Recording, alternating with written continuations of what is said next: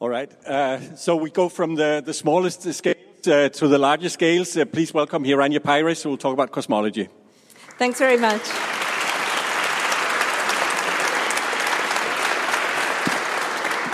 Can you hear me in the back?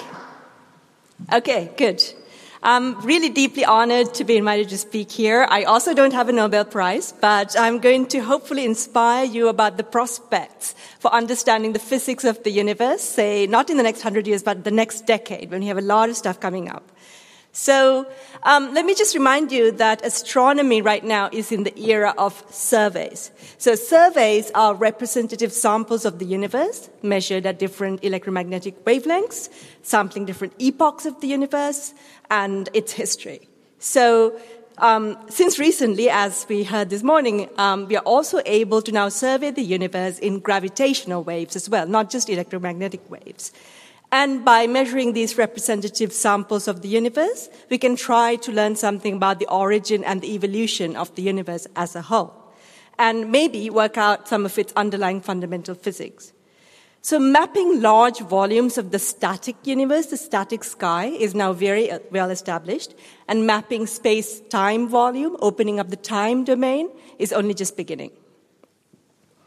Um, I'll look back a little bit before I look forward. So it's useful to start with where we are now after a couple of decades of what I call the era of precision cosmology. So in the last couple of decades, we've determined the basic form of a cosmological model that describes observations at a range of redshifts and physical scales and does that really well. We've measured the age of the universe and its composition and found strong evidence, but not yet a smoking gun, for the quantum origin of cosmic structure. Measurements of the cosmic microwave background and of type 1a supernova cosmology uh, play cornerstones of that achievement, which has been recognized by several Nobel Prizes. So currently, we are transitioning into an era where further progress can only come through combining information from multiple cosmological probes, as well as synergistic information from astroparticle physics and high energy physics. It's also worth noting that despite all of this progress, major theoretical questions about the origin and the composition of the universe remain unanswered. So there's a lot of work for the young people in the room. Um, so, given its importance in establishing the standard model of cosmology, I'm going to start off with a tiny review of the cosmic microwave background, or the CMB. So, the beauty of the CMB as a cosmological probe is that its observable signal can be accurately modeled, and that experiments with low instrumental systematics can be built to measure it accurately. Its success to date features a rich interplay between theory and um, modeling on one hand, and experiment and observation on the other. So here I'm showing you the original prediction for the CMB temperature auto spectrum from the paper by Peebles and Yu in 1970. And the physics is beautifully simple, and the basic features of this plot can be explained just using undergraduate physics. The CMB temperature power spectrum has specific and distinctive dependencies on the cosmological parameters. Uh, so I've illustrated a few here. And there's also complementary information in the polarization power spectra, the temperature polarization cross power spectrum, and also the lensing of the CMB from foreground structures. This means that a modern CMB experiment, just by itself, can constrain all the parameter of a broad set of cosmological models and also do internal validation checks between partitions of the data. So, this is the CMB temperature power spectrum measured by the Planck satellite. It's an ESA satellite. This is basically the state of the art for temperature power spectrum measurements. So, at low multipoles, which are large angular scales, you can see the irreducible cosmic variance error bars. That just comes from the fact that we have one sky to measure. At small angular scales, the error bars are so tiny they're smaller than the dots. The theoretical best fit spectrum to this combined Planck likelihood is shown in light blue, and residuals with respect to that model is shown in the lower panel. So all the information in this Planck power spectra are well described by a six parameter lambda cold dark matter cosmological model, which we call the standard model of cosmology now. These six parameters are roughly directly inferred because of their distinctive dependencies on the CMB spectrum that I showed before. And another number of parameters are derived from these base parameters, and those are under the assumption of cosmological model. This plot shows how you can take several different independent data combinations and check the internal consistency of the data with respect to this base model fit. The base lambda CDM parameters are measured to percent or sub percent precision uh, at the moment. So, you know, uh, earlier we heard extremely precise laboratory measurements. We are trying to do this with mud wrestling data from the sky, so it's still really uh, fantastic that we have get this, get this precision. Um, so while we measure these parameters precisely now, the standard cosmological model still remains phenomenological. So what is the physical nature of dark matter and dark energy? We don't know the answers to those questions yet. We also don't know in detail what physics led to the origin of cosmic structure.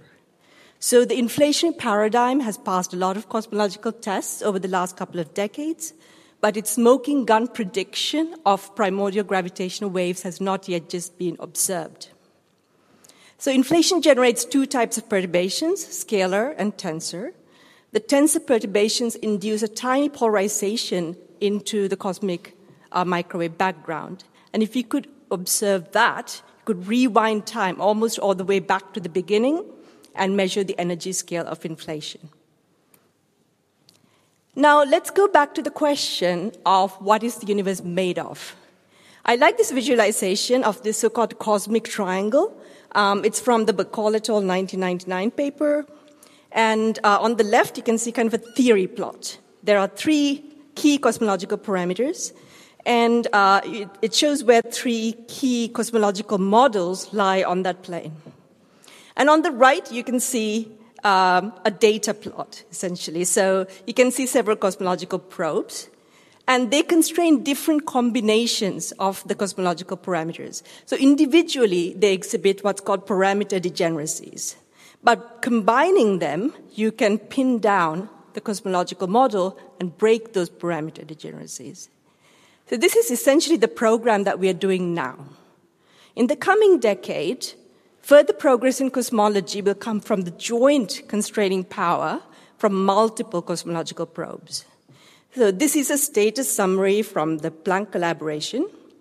And the agreement of the model, this is the Lambda CDM model, with such a broad compilation of data spanning 14 giga years in time and three decades in physical scale, is an impressive testament to the explanatory power of Lambda CDM. So the next decade will be dominated by data from um, electromagnetic sky surveys, and this data volume is just going to explode. Particularly, we are going to get many surveys of the cosmic large scale structure. So, this cartoon ties space and time with observational probes. You can see large scales going to small scales, early times going to late times. And in the top left, you can see the cosmic microwave background. Uh, what's going to be coming up now in the next decade is mainly surveys styling this bottom part of the diagram from large to small scales, going back to about a redshift of five, uh, and measuring various properties of the cosmic, uh, cosmic large scale structure and hopefully pinning together the cosmological model uh, into a self consistent history of the universe.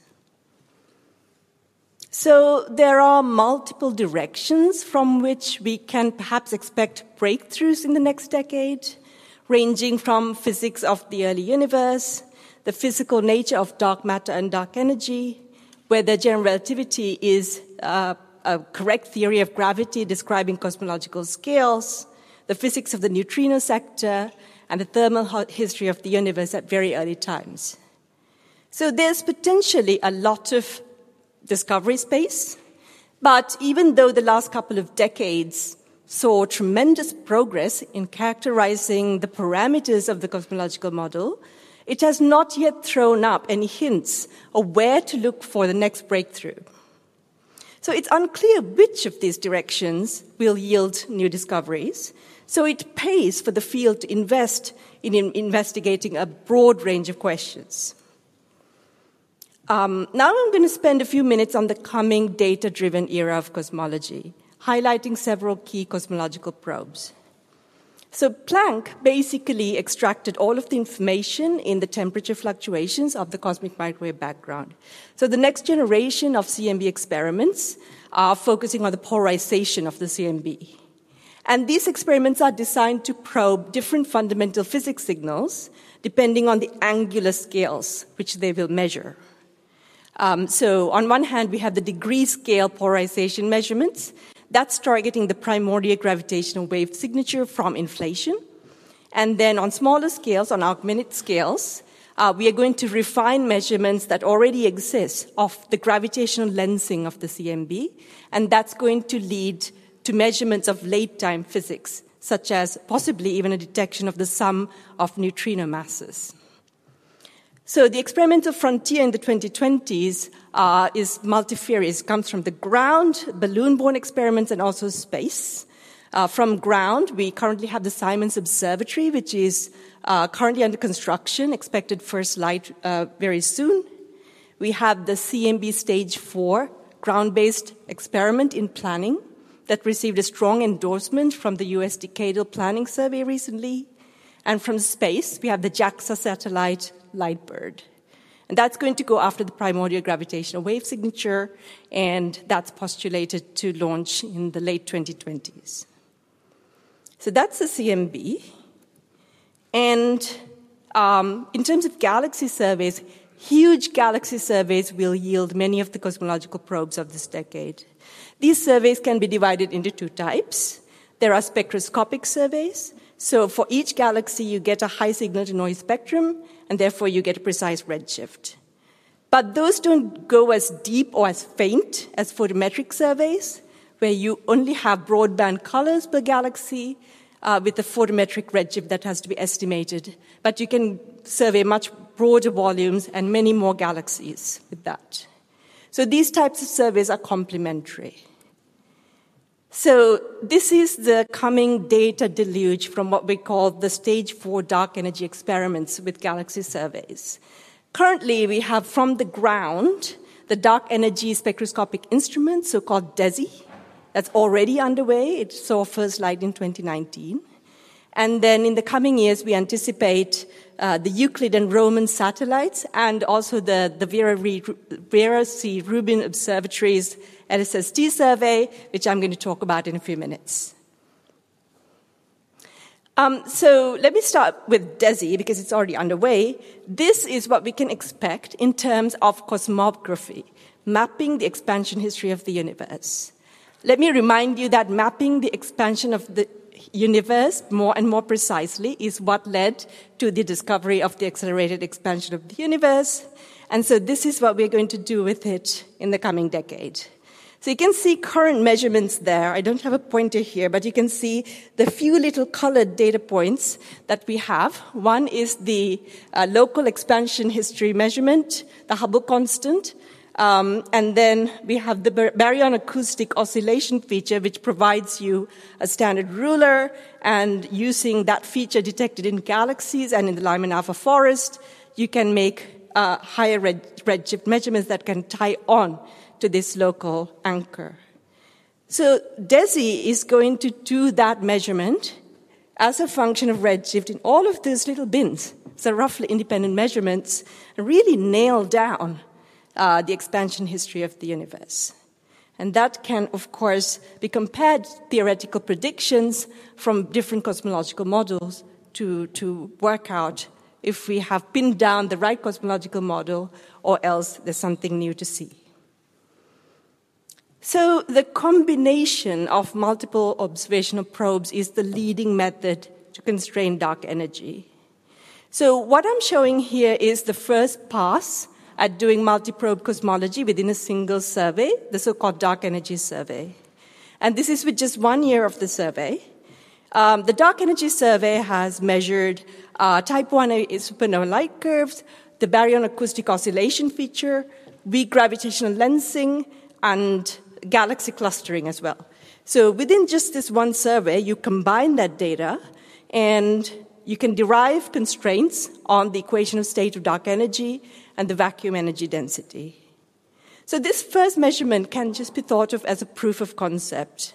So independently of other experiments, including the CMB, the probes from this single photometric survey rule out a universe with no dark energy and the geometries uh, shown to be flat and uh, an extra constraint on the baryon density of the universe was in, uh, obtained as well. That was independent of early universe measurements.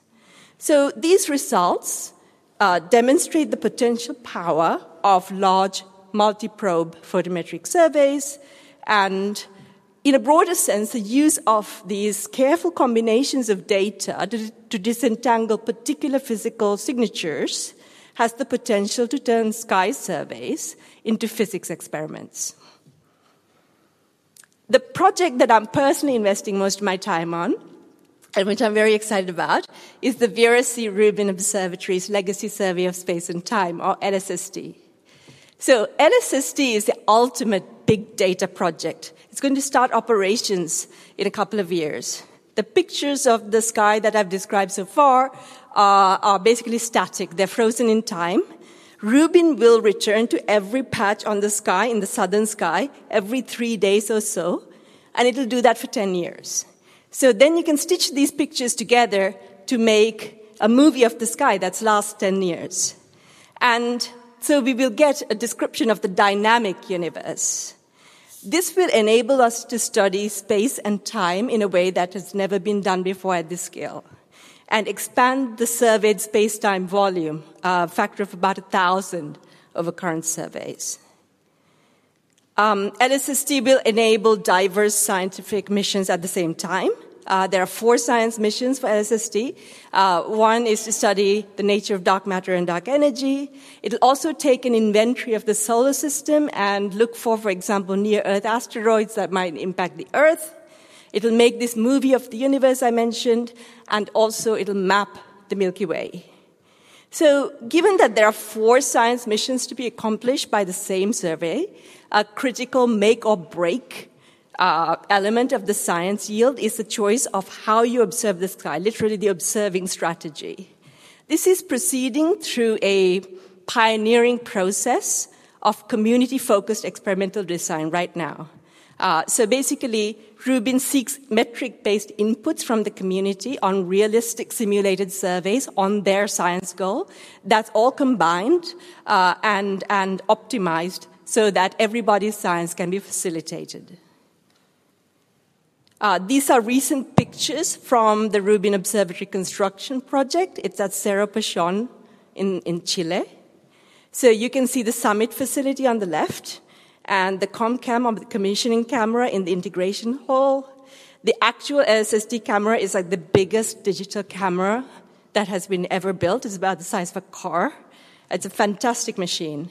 Um, I, am still buzzing from a live video tour that a colleague gave just last week uh, from the summit. I've been involved in this project since 2013 or something, and it's amazing to see it becoming real. Uh, to quote another colleague, it's like meeting someone for the first time after you've been exchanging emails with them for several years. So these are the forecasts for what you're going to get from LSST on dark energy. On the left, there's uh, the constraints we can get for one year of the survey, and on the right, it's after 10 years. So this is basically working out if dark energy evolves with time. If it's a cosmological constant, it's at zero in these parameters. And if it deviates from zero, that means there's something dynamical about dark energy. And in order to come up with these constraints, we are going to have to combine constraints from these many cosmological probes that the survey will provide. This is what LSST will do for the transient universe. So this is essentially showing a phase space of explosive and eruptive transients. Um, they have a characteristic time scale and they have a characteristic brightness. And so LSST will survey this phase space systematically at a large scale for the first time. And we are bound to discover types of events that no human has ever seen before. I think it's going to be fantastic. Uh, some of those events will be very rare uh, explosions. For example, the precious electromagnetic counterparts of gravitational wave collisions. So, just to give you an idea of what I mean by a data deluge, LSST will generate up to 10 million alerts a night within 60 seconds of detection serve to the community of something changing on the sky that you might want to look at. So, on every visit, Rubin's image will be different with respect to a template, and transient and variable sources will be detected and associated with their history and their metadata and pushed out to community brokers where astronomers are waiting uh, and they want to filter events of, of interest to them and possibly trigger follow-up facilities around the world. So this is an enormously challenging data mining problem. Uh, especially if you're after those very rare sources that, that I mentioned. So machine learning methods will have to do a lot of heavy lifting here. And we need to be ready to deal with this data in real time in a couple of years. It's very exciting and really daunting at the same time. Um, especially in light of uh, Neil Bohr's legacy that we are celebrating here today, it's important to point out that this is another field which has a really international nature. Um, so this is a map prepared by the Dark Energy Science, uh, sorry, the Dark Energy Survey a few years ago, uh, showing where all the members of, of the collaboration came from. Uh, I come from that tiny island in the Indian Ocean there with a little star. So, you know, this is a really international enterprise. So, uh, Rubin um, also is a very big project. I, I think it's currently 23 countries. Um, the Dark Energy Science Collaboration of Rubin has about a thousand people in it right now. And again, echoing the ideals expressed by Niels Bohr, different communities of scientists are coming together to make sense of this data. So these are not just cosmologists and astronomers, they're also high energy physicists, computer scientists, data scientists, and statisticians who are joining us.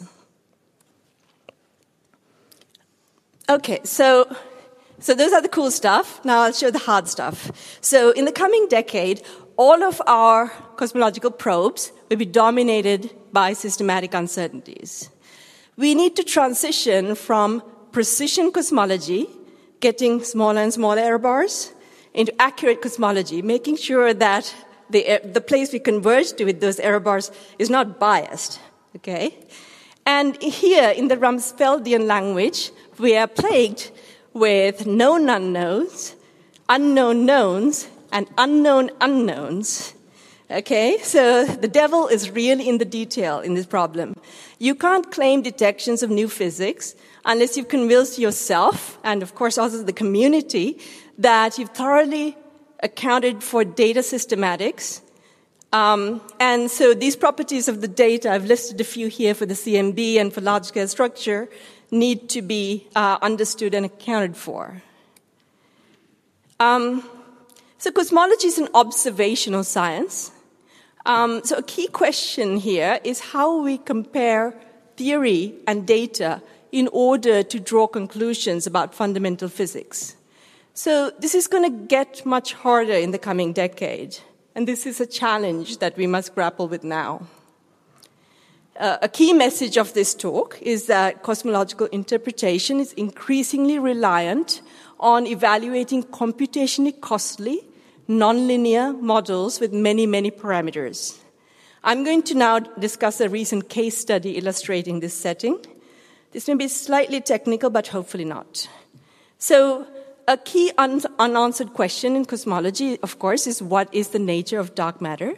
Uh, there are many creative theoretical proposals, but there are two broad candidate theories that we've heard about so far already, WIMPs and axions. And these are particularly attractive because they also solve major problems in particle physics, in addition to providing uh, compelling dark matter candidates. So uh, much of the experimental effort in the past decades has been focused on the WIMP hypothesis. It's only more recently that experimental attention is turning to the axions. So there's a huge part of the axion parameter space that's relatively unexplored. And in particular, cosmological data can constrain light dark matter, including ultralight axions. So the dark matter signal manifests as a suppression of power in the matter fluctuations at small scales relative to the expectation from phenomenological cold dark matter models. And the strength of this signal uh, increases as a function of redshift. I've illustrated this on my uh, space-time cartoon there. So we're looking at the small scales, and the strength of the signal increases with redshift. You look for the right probe there, and you see the Lyman alpha forest. Okay? So we can immediately see that the Lyman alpha forest might likely yield a good probe of this signature. So, as I just said, the, the signature is a power suppression uh, as a function of scale. So, ultralight axions suppress the growth of cosmological structure below a certain scale, about a megaparsec. That's set by the quantum pressure of the ultralight axions. So, heavier axions lead to smaller cutoff scales, and this figure shows the transfer function of this cutoff as a function of wave number. So now the Lyman alpha forest traces linear, high redshift, small scale density fluctuations, uh, making it an ideal probe of this, this signal. However, this suppression can also be mimicked by intergalactic medium astrophysics. Trying to separate out this gastrophysics from the fundamental dark matter signal can be a bit of a mud wrestling exercise. So, the Lyman alpha forest is the neutral hydrogen absorption seen in, in high redshift quasar spectra. It's a biased, redshift space distorted tracer of the cosmic density field. So by measuring correlations of this transmitted flux, it's a powerful tracer of the linear matter power spectrum and also therefore a tracer of this cutoff that we might be wanting to look for. So because the state of the intergalactic medium can also suppress the power due to these various astrophysical effects, you must marginalize over the intergalactic medium model to get the dark matter constraints. And that's a hard problem. Modeling the data sufficiently accurately to do that requires intensive hydrodynamical computer simulations. That's about 3,000 CPU hours per parameter combination in a 12 dimensional parameter space we must scan that 12 dimensional parameter space thoroughly to get these uh, accurate constraints on the ultralight uh, dark matter mass. So, in our recent work, uh, we used an advanced modeling method involving Bayesian optimization of a machine learning emulator of cosmological simulations to solve that challenging analysis task. Um, and this analysis improved the previous ultralight axion mass bound by an order of magnitude and we were able to robustly rule out the canonical 10 to the minus 22 to 10 to the minus 21 mass range, EV mass range for this model. So one thing I want to highlight about this plot again is this idea that multiple approaches are needed in order to probe the entire theory space of a model. Because the mass can vary over many orders of magnitude.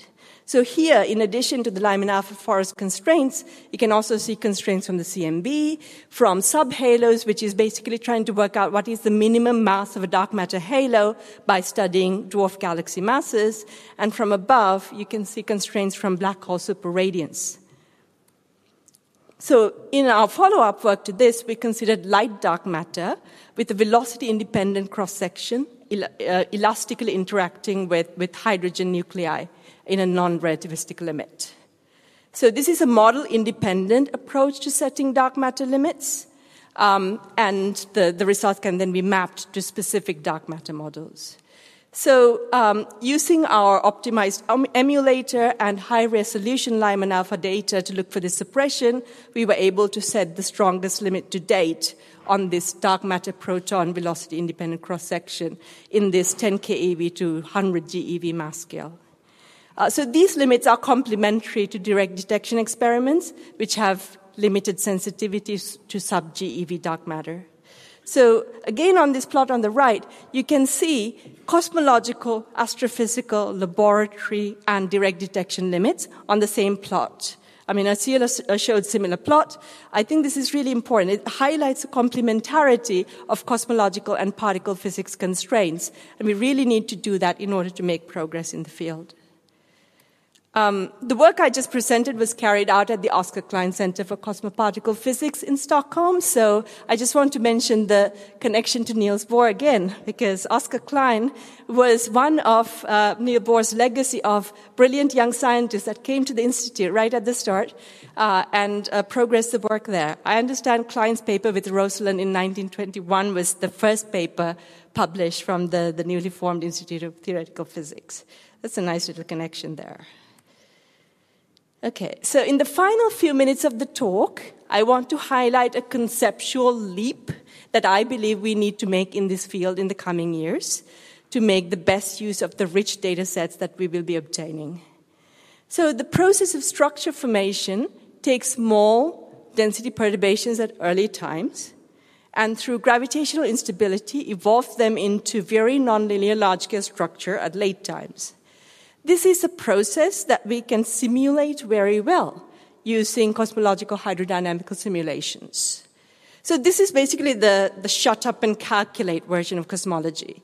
Uh, we can put all the ingredients into a computer, we press go, and after some time it outputs the calculation, and we've computed cosmological structure formation. So an important point here is that we, in principle, know everything about this process. We know all of the microphysics that go into our simulations, and we can compute all the details of the end products of the simulations. However, it remains very challenging to answer even very basic cause and effect questions about the macroscopic structures that form within the simulations, even though we knew all of the microphysical ingredients that go in. So it's like the difference between biochemistry and biology. And yet, really, this is extremely critical to the future of cosmology if we want to extract the rich information in the cosmic web and to explore the increasingly overlapping interface between cosmology and galaxy evolution.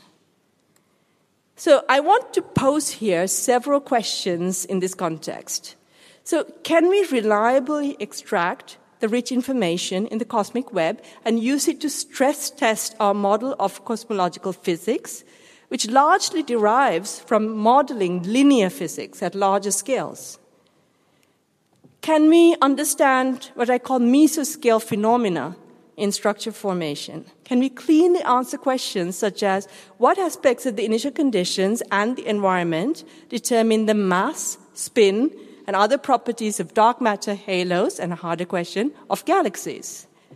Can we explain the close to universal phenomenology that we see, for example, in dark matter halo profiles and the halo mass function and so on? And these have been known to arise within cosmological simulations for decades. There's still no explanation of them. So, one approach that my collaborators and I have been developing is the use of explainable machine learning architectures to try to disentangle the cause effect relationships in complex structure formation phenomena. Um, and I think that in, broader, in a broader sense in the field, this is an area to watch in the coming years. So, just to finish up, um, I believe there are four interconnected pillars for understanding the physics of the universe. The first is instrumentation. And the transformative progress in the field since the 1990s has been driven by innovation in, in detector technology and in instrumentation. And that has caused a revolution of data. Cosmology is currently data driven and will arguably continue to be, do so in the 2020s. That complex, rich data brings with it a complicated modeling challenge. So the interpretation of this coming data relies on accurate modeling of the data, and that's increasingly very heavily dependent on high performance computing. And artificial intelligence is an international frontier in this field. And finally, we have theory. Um, the current understanding of physics of the universe is phenomenological. And deeper physical understanding can only come through theoretical breakthroughs. There are so many puzzles that nature presents to us in understanding the physics of the universe. And I hope some of the young people in this room are inspired to take up the challenge. Thank you.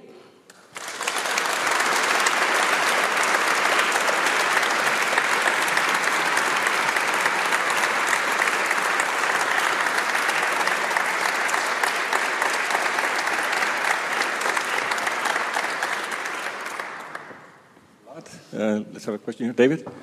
Uh, we get the microphone. So thank you very much for the beautiful talk. Um, I was struck by your invocation of machine learning networks and or, or neural nets, et cetera, uh, to, to, go after these challenging problems. Now, when that comes up in other fields, uh, I get a little uneasy because uh, it's a very complicated multidimensional parameter space. Often the neural net will give you an answer, but not a lot of understanding. And you know, the, the example, for example, is planetary orbits. If you feed that in, you'll get some Ptolemaic uh, music of the spheres, mm-hmm. not Newton's law. Mm-hmm. And so, does that worry you a little bit? Um, so, the general problem you outlined really worries me, and so that's why I think that. Uh, what we have to develop are interpretable and explainable machine learning methods. Um, so, uh, I think machine learning can be trusted to accelerate things. Okay, uh, and I think in general you can be, use it to classify things because the end product has always then to be uh, examined by by human being. But when you're trying to do inference with machine learning or to try to gain new knowledge, uh, you really must have a degree of explainability uh, in the method that you're using, which doesn't necessarily exist in the, the standard uh, methods, for example, in deep learning that's deployed in industry. Um, recently, there has been some attempts to develop explainable AI. I don't know if you're aware of the work called SciNet. Iten et al. Yes, so, so basically the idea is that you use the power of machine learning to compress uh, extremely complicated data into a compressed model uh, and the compressed model is small enough and probable enough mm-hmm. that you can try to work out what it's learned. In fact, they fed it as, an, as a toy example the, the orbits yeah. problem, and they were able to uh, extract um, Kepler's law out of that.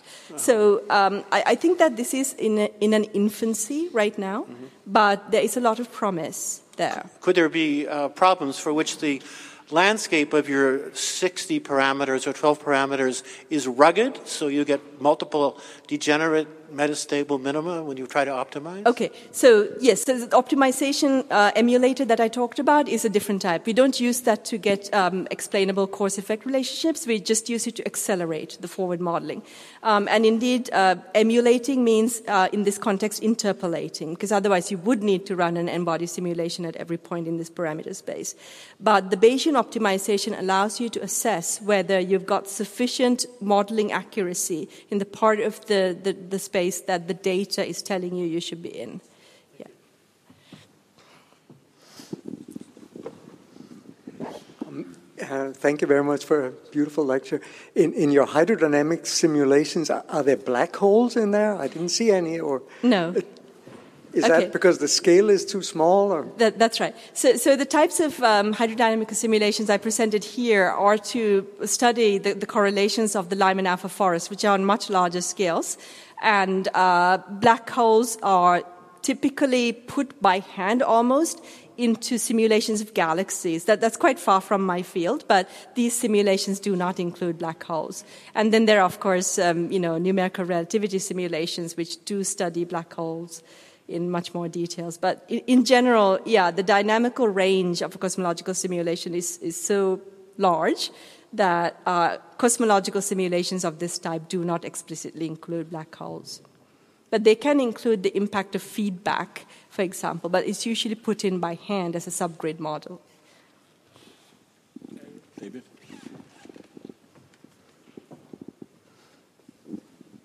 So thanks for a beautiful talk. You didn't, unless I missed it, and I might have, you had so much, uh, talk much about the tension on the Hubble constant between late and early times. Is that a crisis for the models?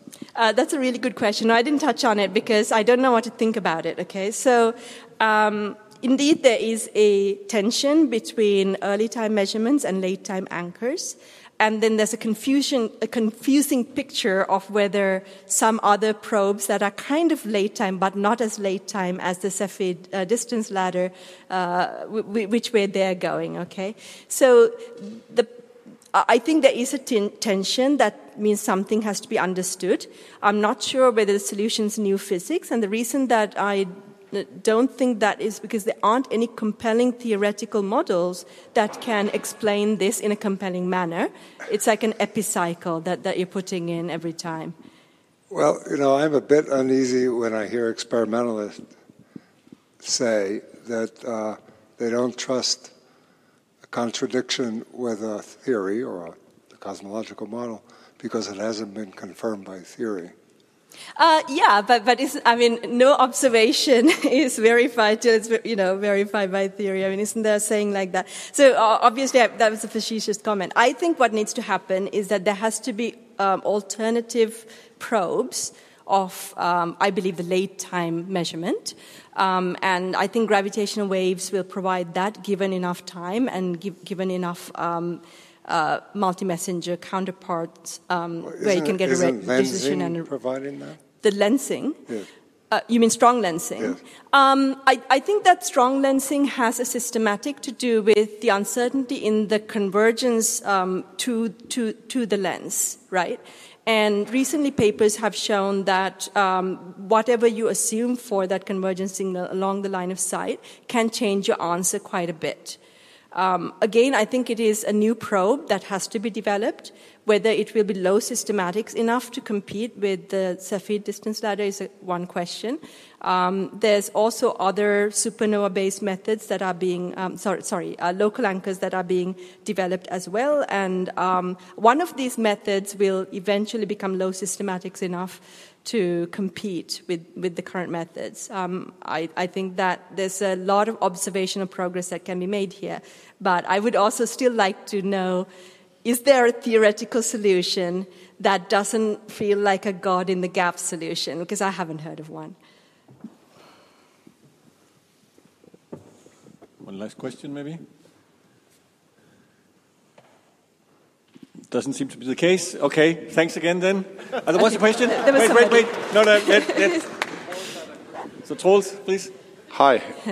Once again, thanks for a great talk. I'm in particle physics but play with machine learning. Mm-hmm. Which techniques do you use to make that causation relation and sort of open the dark box of millions of parameters? Uh, we've cobbled together our own architectures. There's basically an encoder part with a query so it's, it's, like a supervised encoder. It's not an autoencoder. It doesn't expand to reproduce the data. So it compresses, and then we have an interpretation tool that's based on computing mutual information between the latent space of the compressed model and any uh, you know, uh, question we can pose about what are the causative relationships. So we can calculate mutual information between the data and the compressed model, and we can try to interpret it and work out um, you know, whether there's a causation relationship there. Thanks. So now we'll be very careful, and there is one last question down there. uh, Emil, you run down with the, the microphone? So it is actually more of a comment, I think, uh, for everyone. But um, about uh, the theory, you mentioned we need some theory to explain some of these cosmological models.